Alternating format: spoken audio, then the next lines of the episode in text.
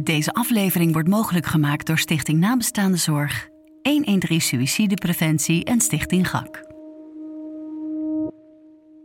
De verhalen in deze podcast zijn heftig, schokkend.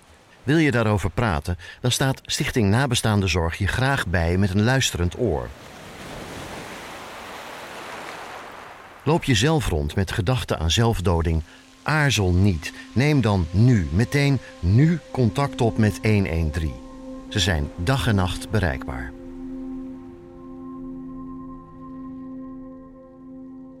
Leefsmoeder en ik zijn eigenlijk op de dag van zijn dood zo'n beetje uit elkaar geklapt. Het gezin wat er overleeft eh, is denk ik toen ontploft. Ik zou het niet anders kunnen noemen. En uh, leefsmoeder en ik konden ook niet zo met elkaar het erover hebben wat we allebei wel zagen en voelden en wisten dat er aan de hand was en hoe naar dat was.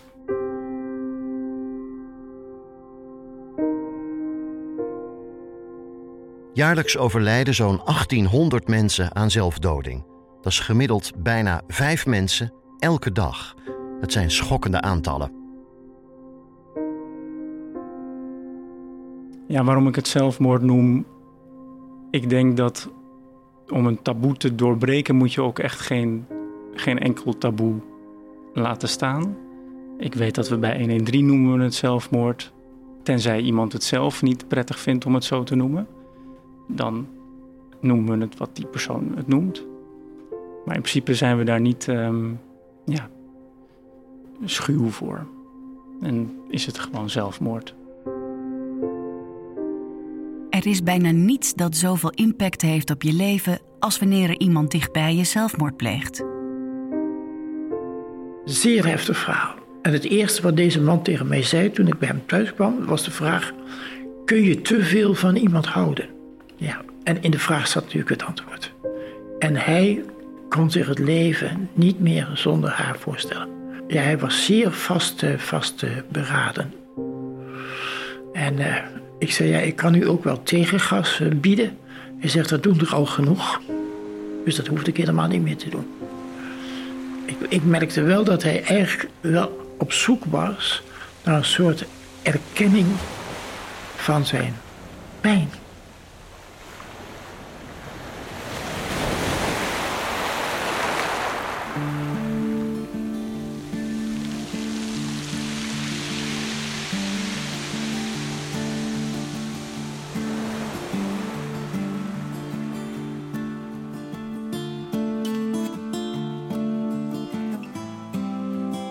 Hoe kan het dat voor sommige mensen de enige uitweg nog lijkt er een einde aan maken?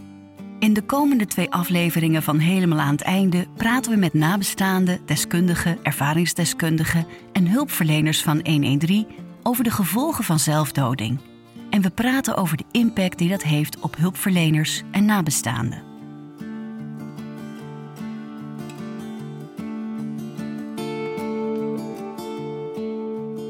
Tenzij je het hebt meegemaakt, kun je je haast niet voorstellen hoe het is om iemand te verliezen aan zelfdoding. Soms is de keuze verwacht wanneer iemand al jaren strijd voert met depressies of andere mentale problemen. En soms komt het als een donderslag bij heldere hemel.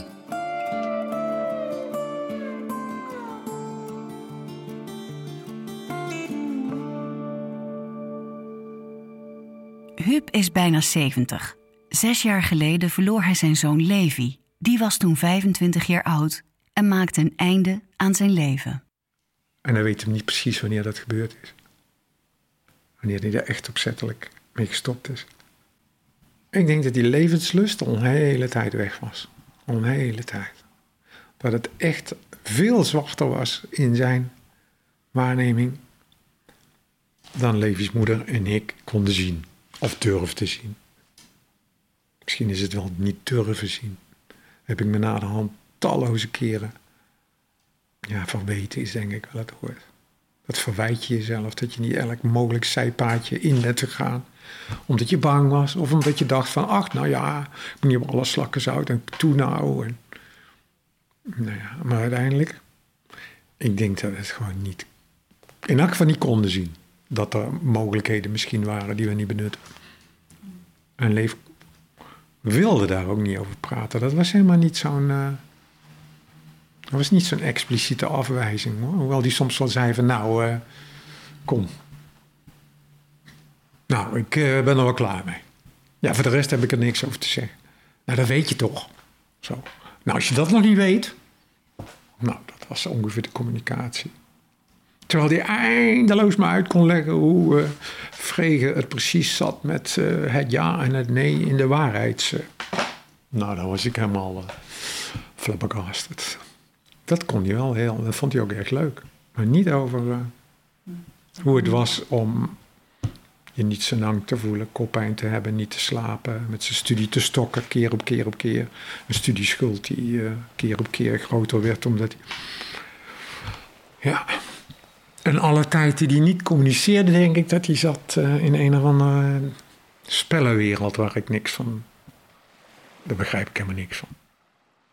Veel nabestaanden zullen dit herkennen. Je hoort ze vertellen dat ze, vaak nog jaren, met veel vragen worstelen. Vragen die niet beantwoord worden. Dat leidt regelmatig tot schuldgevoelens, die Huub beschrijft. Voor Huub was die eerste periode na het overlijden van Levi vooral oorverdovend stil. Ik denk dat ik maandenlang in een oorverdovende knal heb gezeten. Een ontploffing waar je middenin zit. Je hebt wel eens van die plaatjes van de oerknal gezien, hè? Helemaal midden in die oerknal, op het puntje van de naald, is het doodstil. De knal is aan de buitenkant. Nou, ik denk dat ik heel lang binnenin heb gezeten en niet meer wist hoe ik daar weg moest komen. En als ik een millimeter bewoog, was het een teringherrie in mijn leven. Ja. En ik ben vrij snel weer gaan werken hoor. Ook al omdat ik dan in elk geval moest bewegen. Want anders dan zou ik dat een hele tijd... Of toen was ik eigenlijk misschien wel bang nooit meer hebben gedaan. Huub vond in zijn werk weer iets om zich aan vast te houden en leerde stapje bij beetje om te gaan met de pijn. Dat heeft best heel lang zo geduurd. En in de tijd dat ik dus met mijn werk prima bezig was, waar ik eigenlijk heel eh, voldaan over voel, ook als ik terugkeek hoor. Maar eh, wat er, waar- waardoor ik zou zeggen, ja, misschien kan ik het nou beter, is dat. Kijk, als je hartstikke vaak op je bek gaat, hè, of ontploft, of, of je hart opengeknald wordt en je een schok, een hoeveelheid pijn krijgt waarvan je helemaal niet wist dat dat bestond. Dat wist je niet. Dat het zo veel pijn kan doen, dat wist je niet. Je wist niet dat er zoveel... Ik heb nierstenen gehad een paar keer en gedoe met mijn benen en hernia's enzovoorts. Maar dit soort pijn is niet te... Niet, nee, dat is een ander soort pijn. Ontreddering, totaal ontredderd. Maar als je daar vaak op, op stuk gaat... Op een keer merkte ik van... eh, ik kan dat. Ik kan stuk gaan. Ik kan eigenlijk heel goed stuk gaan. Ik wist helemaal niet dat ik zo goed kon stuk gaan. Daar was ik eh, min of meer wel. Ja, nee, trots kan je niet zeggen. Maar dat, dat geeft wel een soort vertrouwen. Dat je als je televisie kijkt ineens rechts ingehaald wordt door iets wat helemaal niet over gaat. Maar soms is het niet eens emotioneel. Ik kan moeiteloos kijken naar cowboyfilms waar we de lijken van het beeldscherm afspatten. Maar iemand die zomaar aan het huilen is om iets wat hij verschrikkelijk vindt, daar, kan ik, eh, daar kon ik van open klappen. Maar ik was bijna verbaasd te merken dat ik, eh, dat ik er wel in vertrouwde dat als ik dat toeliet, dat stuk gaan, dat dat eigenlijk de kortste weg is, de kortste overbrugging is naar ademhalen weer. Ja. En het gebeurt minder vaak misschien. Nu zijn er best wel eens dagen dat het niet gebeurt. Die waren er in het begin helemaal niet. Nee.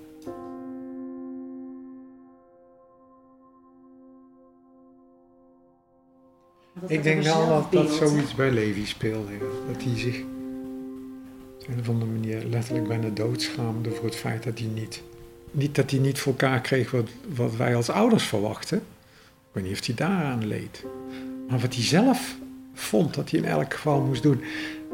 En dat hij, dat hij zin in leven moest hebben en dat niet had. Duidelijk, al lang niet.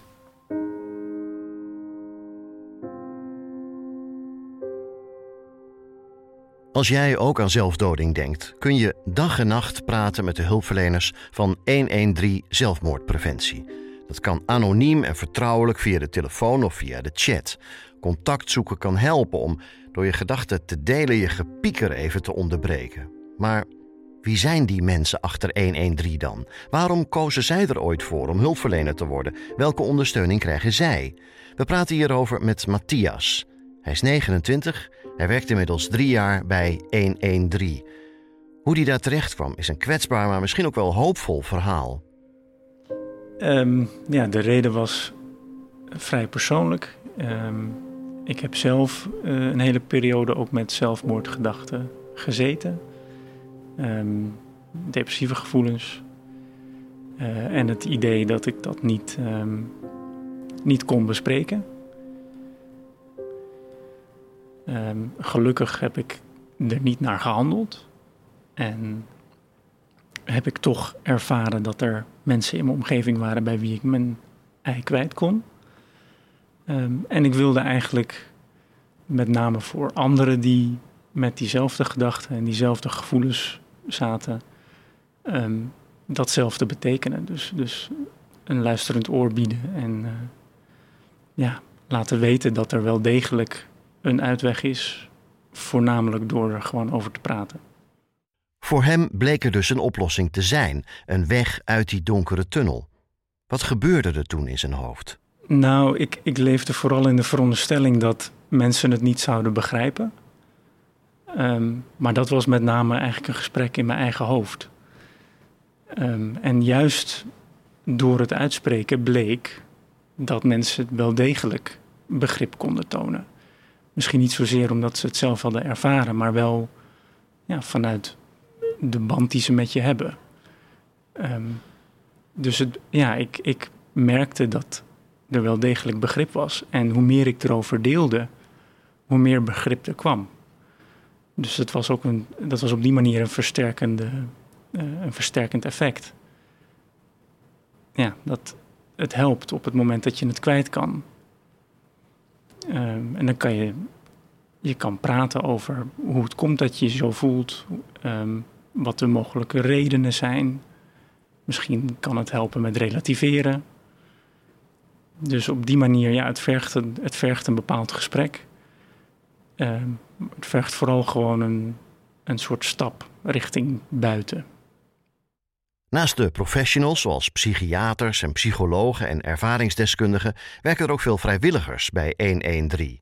Maar naast die hulplijn is 113 ook bezig met onderzoeken, samen met ziekenhuizen, met het geven van voorlichting op scholen en allerlei soorten instanties om het praten over zelfmoord bespreekbaarder te maken. En dat betekent ook dat alle medewerkers goed worden opgeleid. Je gaat niet zomaar uh, de lijn in, zoals wij dat noemen. Ja, dat gaat over uh, bepaalde gesprekstechnieken. Ja, hoe, hoe je zo'n gesprek voert. Uh, ook hoe je jezelf kan verzorgen eigenlijk tijdens zo'n gesprek of na zo'n gesprek. Omdat het soms best wel intensieve, intensieve gesprekken zijn. Um, dus ja, een deel hoe, hoe je het voert en een deel hoe je, hoe je er zelf mee om kan gaan. Dat met name. En voor de rest is het veel um, ja, gevoel ook. Zorgen dat je, dat je ja, luistert en niet oordeelt. Dat is eigenlijk een beetje de basis. En zo ja, ga, je, ga je ook meeluisteren met andere gesprekken. Hulpverleners die al wat langer in de lijn zitten. En vervolgens uh, ja, ga, je, ga je eerste gesprek voeren. Natuurlijk met iemand die erbij zit, als je dat prettig vindt. Ja, er is een soort handleiding die we hebben. Die kan je erbij houden. Maar zelfs met zo'n gesprekstechniek en met een handleiding blijft het voeren van zo'n gesprek mensenwerk. Er is veel ruimte voor een eigen inschatting. Het is meer een richting voor hoe je het gesprek voert, um, hoe je het gesprek opent, hoe je naar een, een, ja, een, een soort concreet middenpunt toe, toe gaat en ook hoe je het weer afrondt. Dat is eigenlijk een beetje de, de richting die in de handleiding staat, omdat het vaak ook Um, we, we, krijgen wel eens mensen in de lijnen die de neiging hebben om wat langer door te praten, wat ook verder helemaal prima is. Maar op een gegeven moment kan het gewoon niet meer helpend zijn. En ga je misschien in rondjes praten. En het is toch wel de bedoeling dat, we, ja, dat, je, dat je toch ergens naartoe gaat in het gesprek. Wat kan je zo meteen gaan doen als het gesprek is afgelopen? Wat zijn misschien vervolgstappen die je kan nemen? Ehm, vaak hebben mensen namelijk geen enkel idee over wat ze nog kunnen doen. En ja, wij, proberen wel wat ideeën aan te dragen. Maar op een gegeven moment moet je er ook een einde aan breien. Ja, dat is, dat is een beetje wat, wat in die handleiding staat, een soort richting. En dan gaat die lijn open en krijg je als medewerker iemand aan de lijn die belt omdat hij zelfmoord wil plegen. Met alle training die er is, blijft dat indrukwekkend. Ja, het soort gesprekken dat, dat wisselt eh, heel erg. Soms zijn, het, soms zijn het hele korte gesprekken, soms zijn het hele lange gesprekken. Zijn het gesprekken met mensen die erg in crisis zitten. Soms zijn het mensen die, ja, die gewoon even hun ei kwijt willen. Gewoon even willen vertellen hoe, hoe ze erbij zitten. Ehm, dus het, het wisselt heel erg. We, hebben een soort receptie. Daar komen de gesprekken bij binnen. En die kunnen alvast wat veiligheidsvragen stellen. Om zeker te weten dat je niet in gesprek gaat met iemand die ja, echt op het punt staat om, om iets te doen. Dus dat willen, we, dat willen we eerst echt zeker weten. En op het moment dat iemand echt in staat is om een gesprek aan te gaan, nou dan wordt het gesprek doorgestuurd naar een hulpverlener die dat gesprek langer kan voeren. Ja, dat hangt, het hangt er heel erg dus vanaf op welk tijdstip je bezig bent. Maar het, het gebeurt wel eens dat het, uh, ja, dat het heel druk wordt. En je ook meerdere gesprekken naar elkaar voert. Dan moet je voor jezelf ook echt wel een moment inlassen tussen die gesprekken door om even weer tot jezelf te komen. Want zoals ik al eerder zei, sommige gesprekken zijn behoorlijk heftig. Maar die ruimte is er zeker. En we zijn ook met genoeg mensen om, uh, om dat aan te kunnen. En die heftige gesprekken kunnen dus ook crisissituaties zijn. Voor ons is het wel een vereiste dat iemand dus op een veilige plek is. En ook niet um, op dat moment iets, iets wat, wat, waarmee ze zichzelf pijn kunnen doen bij de hand heeft. Dus dat is, ja, dat is voor ons eigenlijk de, de grootste leidraad. Zorg dat iemand veilig is en dan, dan kan je het gesprek aangaan.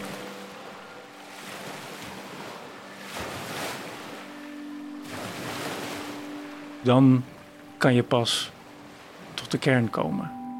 Iemand moet eerst ja, toch enigszins rustig zijn voordat het kan.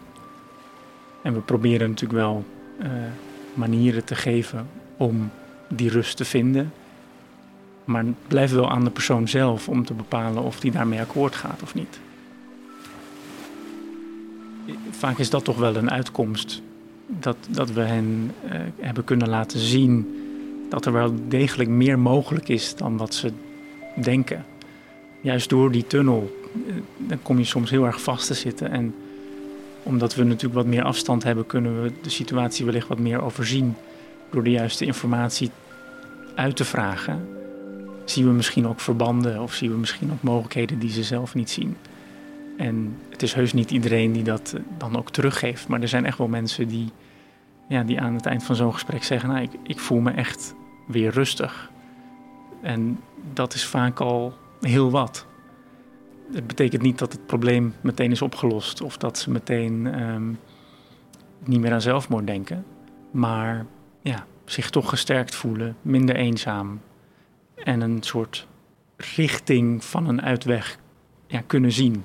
Misschien nog in de verte, maar wel iets. En dat is al beter dan wat het was. Matthias kiest ervoor om tijdens een gesprek met iemand die belt naar 113 af en toe iets over zijn eigen verleden te vertellen wetende wat ik toen miste, of waar ik toen bang voor was, ehm, ja, dat helpt me wel om wat gerichter misschien vragen te stellen en te kijken waar, ja, waar het hem nou echt in zit voor die mensen. Misschien ook wel wat makkelijker begrip tonen voor, ja, voor iemands situatie. Juist doordat ik er zelf ook ja, mee te maken heb gehad. Um, soms helpt het om ook mijn eigen ervaring te delen. Dat doe ik zeker niet heel vaak, of heb ik zeker niet vaak gedaan. Maar dat kan soms helpen voor mensen om het gevoel te, te krijgen dat ze, nou ja, dat ze me kunnen vertrouwen. Want dat is, dat is ook nog wel, hè? je spreekt met iemand die je niet kent. Hoe kan je die persoon dan vertrouwen? Nou, dat, dan helpt het soms om iets van jezelf te delen. En uh, ik denk dat die ervaring daar wel in helpt. Wie iemand verliest door zelfdoding blijft vaak achter met vragen. Antwoorden komen er niet meer. En wat dan? Hoe begin je aan het rouwproces? Hoe ga je om met de balans tussen verdriet en het leven dat je leidt? Marinus van den Berg is pastoor, schrijver en rouwdeskundige. Hij geeft lezingen met verhalen waarin mensen zich kunnen herkennen. Zijn werk als rouwdeskundige begint vaak met luisteren. Zoveel mogelijk luisteren, zonder oordeel. Heel langzaam ben ik, er eigenlijk eh, achter gekomen. Dat, eh, dat ook, overigens is dat in de katholieke kerk ook zo. Dat de mening veranderd is, de opvatting is veranderd. Dat mensen die tot zelfdoding komen en hun omgeving hebben geen oordeel nodig, maar hebben een luisterende oren, hebben ondersteuning. Dat is een hele belangrijke switch. Hè, die, die we langzamerhand in de hele samenleving hebben, hebben, hebben gemaakt. Marinus krijgt regelmatig te maken met zelfmoord wanneer familieleden hem vragen hen te helpen en goed kunnen verwoorden wat bij hen speelde. Maar niet altijd meteen. Verbijstering. Verbijstering. De hele, de hele thematiek van dat iemand niet meer te zien is. Of dat anderen gezegd hebben, is niet meer uh, te zien. En gelukkig is er heel veel verbeterd op, de, op, de, op dit punt. Uh, ik, ik, heb geleerd van een moeder die zei: uh, Al had ik maar even zijn hand kunnen vasthouden, dan had ik ook zeker geweten dat hij het was. Ik ben altijd onzeker gebleven daarover.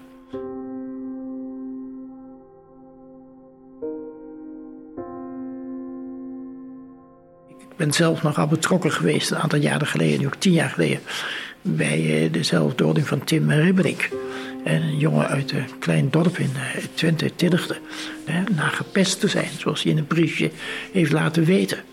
En uh, ik kan dat nu zo hardop zeggen omdat ik woordvoerder van die familie ben geworden. Maar die vader heeft hem gevonden. dus dat je, iemand, dat, je, dat iemand vindt, er zijn heel veel mensen die hebben iemand gevonden in de garage of in de schuur. Maar ik heb ook het verhalen bij mij van mensen van wie het heel erg onduidelijk is gebleven. Wat is hier nou precies gebeurd? Was dit een ongeval of was dit een eenzijdig ongeval? Had hij een, ik heb met een mevrouw gesproken en die zei: Ik heb altijd aan iedereen verteld dat hij een hartinfarct heeft gekregen. En zo tegen de boom aan is gekomen. Maar naarmate het langer geleden is, zeg ik, word ik steeds onzekerder. En ben ik bang dat mensen denken: Was het eigenlijk wel zo? Ze leefde eigenlijk met een soort geheim, wat ze haast niet meer, niet meer, niet meer hield. En langzamerhand kon ze vertellen dat haar man heel neerslachtig was. En wat eens gezegd had: Ik ga me op een dag wat aandoen. Ik herinner mij natuurlijk de verhalen van de mensen die zeggen: We hebben het, we hebben het absoluut niet zien aankomen. ook de opmerking van: Er zal wel iets verkeerd in het hoofd zitten. Het was soms zo plat gezegd eh, daarin. Ja, dat zijn allemaal aannames. Mensen zeggen er eigenlijk alleen maar mee: Ik zit goed in mijn hoofd en mijn familie ook, mij zal het niet opkomen. Dat is het enige wat ze eigenlijk zeggen. Want er is enorm angst. Want hoe kan het inderdaad toch dat de een beter om kan gaan met tegenslag dan de ander? Wanneer we daar meer over kunnen leren, kunnen we elkaar ook beter helpen. Als, als jij voortdurend wordt gepest, ja, hoe werkt dat bij jou uit? Daar is niet één antwoord op. Dat, dat, dat weten we nu ook. Dat dat zo'n trauma is. En dat kan er ook zijn dat het dus te veel wordt. Hè? Dus die opmerking. Niemand wordt boven zijn krachten beproefd. Er zijn wel mensen die wel boven hun krachten worden beproefd. Laten we dat nou trouwens hardop zeggen. Het was te veel, dat kan niet meer. En dat is soms helemaal niet gezien. We hebben, hoe vaak hebben we niet gezegd dat schelden geen pijn doet? Pas de laatste jaren zijn we, aan het zeggen dat dat juist wel een geestelijke moord kan zijn. Dat is een hard woord wat ik nu gebruik, maar het is wel iets wat ik durf te zeggen.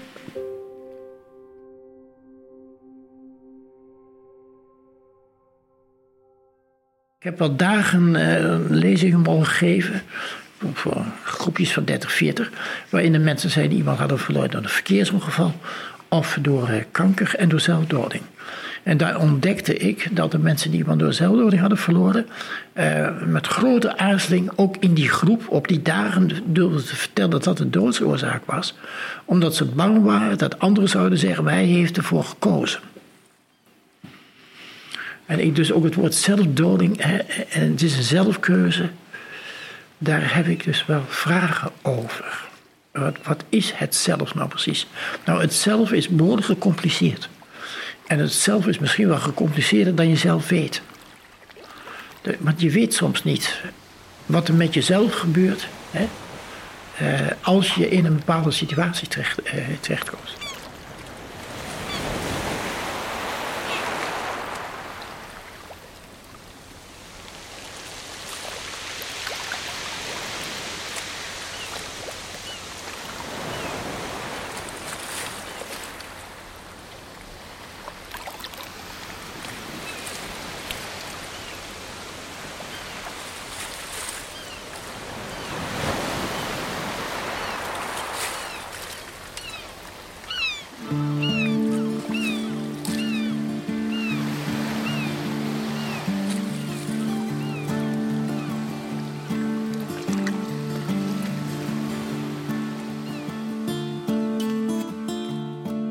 In de volgende aflevering van Helemaal aan het einde.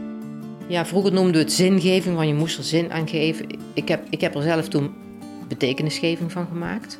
Omdat heel, ja, mensen zeiden van ja, waarom zin? Wat heeft het voor zin dat mijn kind dood is? En er is zo, zoveel emotie op alle fronten, die dan allemaal tegelijk samenkomen, dat je eigenlijk ook helemaal niet kan verwachten dat je meteen daar iets gaat vinden bij elkaar. Dat dat allemaal maar zomaar in de open kan zijn. Het is wel, je moet er zelf wel betekenis aan geven. Wat betekent dit voor jou, voor jouw leven?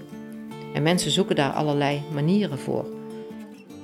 Helemaal aan het einde is een productie van Audiodroom. Heb je een vraag over deze podcast? Neem dan contact met ons op via Instagram, Twitter, Facebook of e-mail. Je vindt alle links in de show notes, dat is de tekst bij deze aflevering in je podcast-app. In die show notes vind je ook links naar meer informatie over de onderwerpen in deze aflevering. Of ga naar onze website helemaal aan het einde.nl. Daar vind je alles overzichtelijk bij elkaar. Loop je zelf rond met gedachten aan zelfdoding? Aarzel dan niet en neem contact op met 113. Ze zijn dag en nacht bereikbaar. Ze vinden niks raar, ze willen over alles met je in gesprek en ze zijn altijd bereikbaar. Heeft deze aflevering je geïnspireerd of geraakt? Schrijf dan een review bij Apple Podcast of laat een rating achter. Of als je luistert via Spotify, deel de aflevering. Dan help je anderen om deze podcast te ontdekken. Vergeet niet om je gratis op deze serie te abonneren met de subscribe of abonneerknop. Dan verschijnen nieuwe afleveringen automatisch in je podcast-app. Heb jij een verlies geleden en wil je in contact komen met nazorgconsulenten, met ervaringsdeskundigen die individuele ondersteuning bieden en je helpen met complexe vraagstukken? Dan is Stichting Nabestaande Zorg een informatiepunt waar je terecht kunt met al je vragen en zorgen rondom rouw, verlies en nalatenschap. Ze brengen ook lotgenoten samen. Je vindt alle informatie daarover op stichtingnabestaandezorg.nl. Dus stichtingnabestaandenzorg.nl.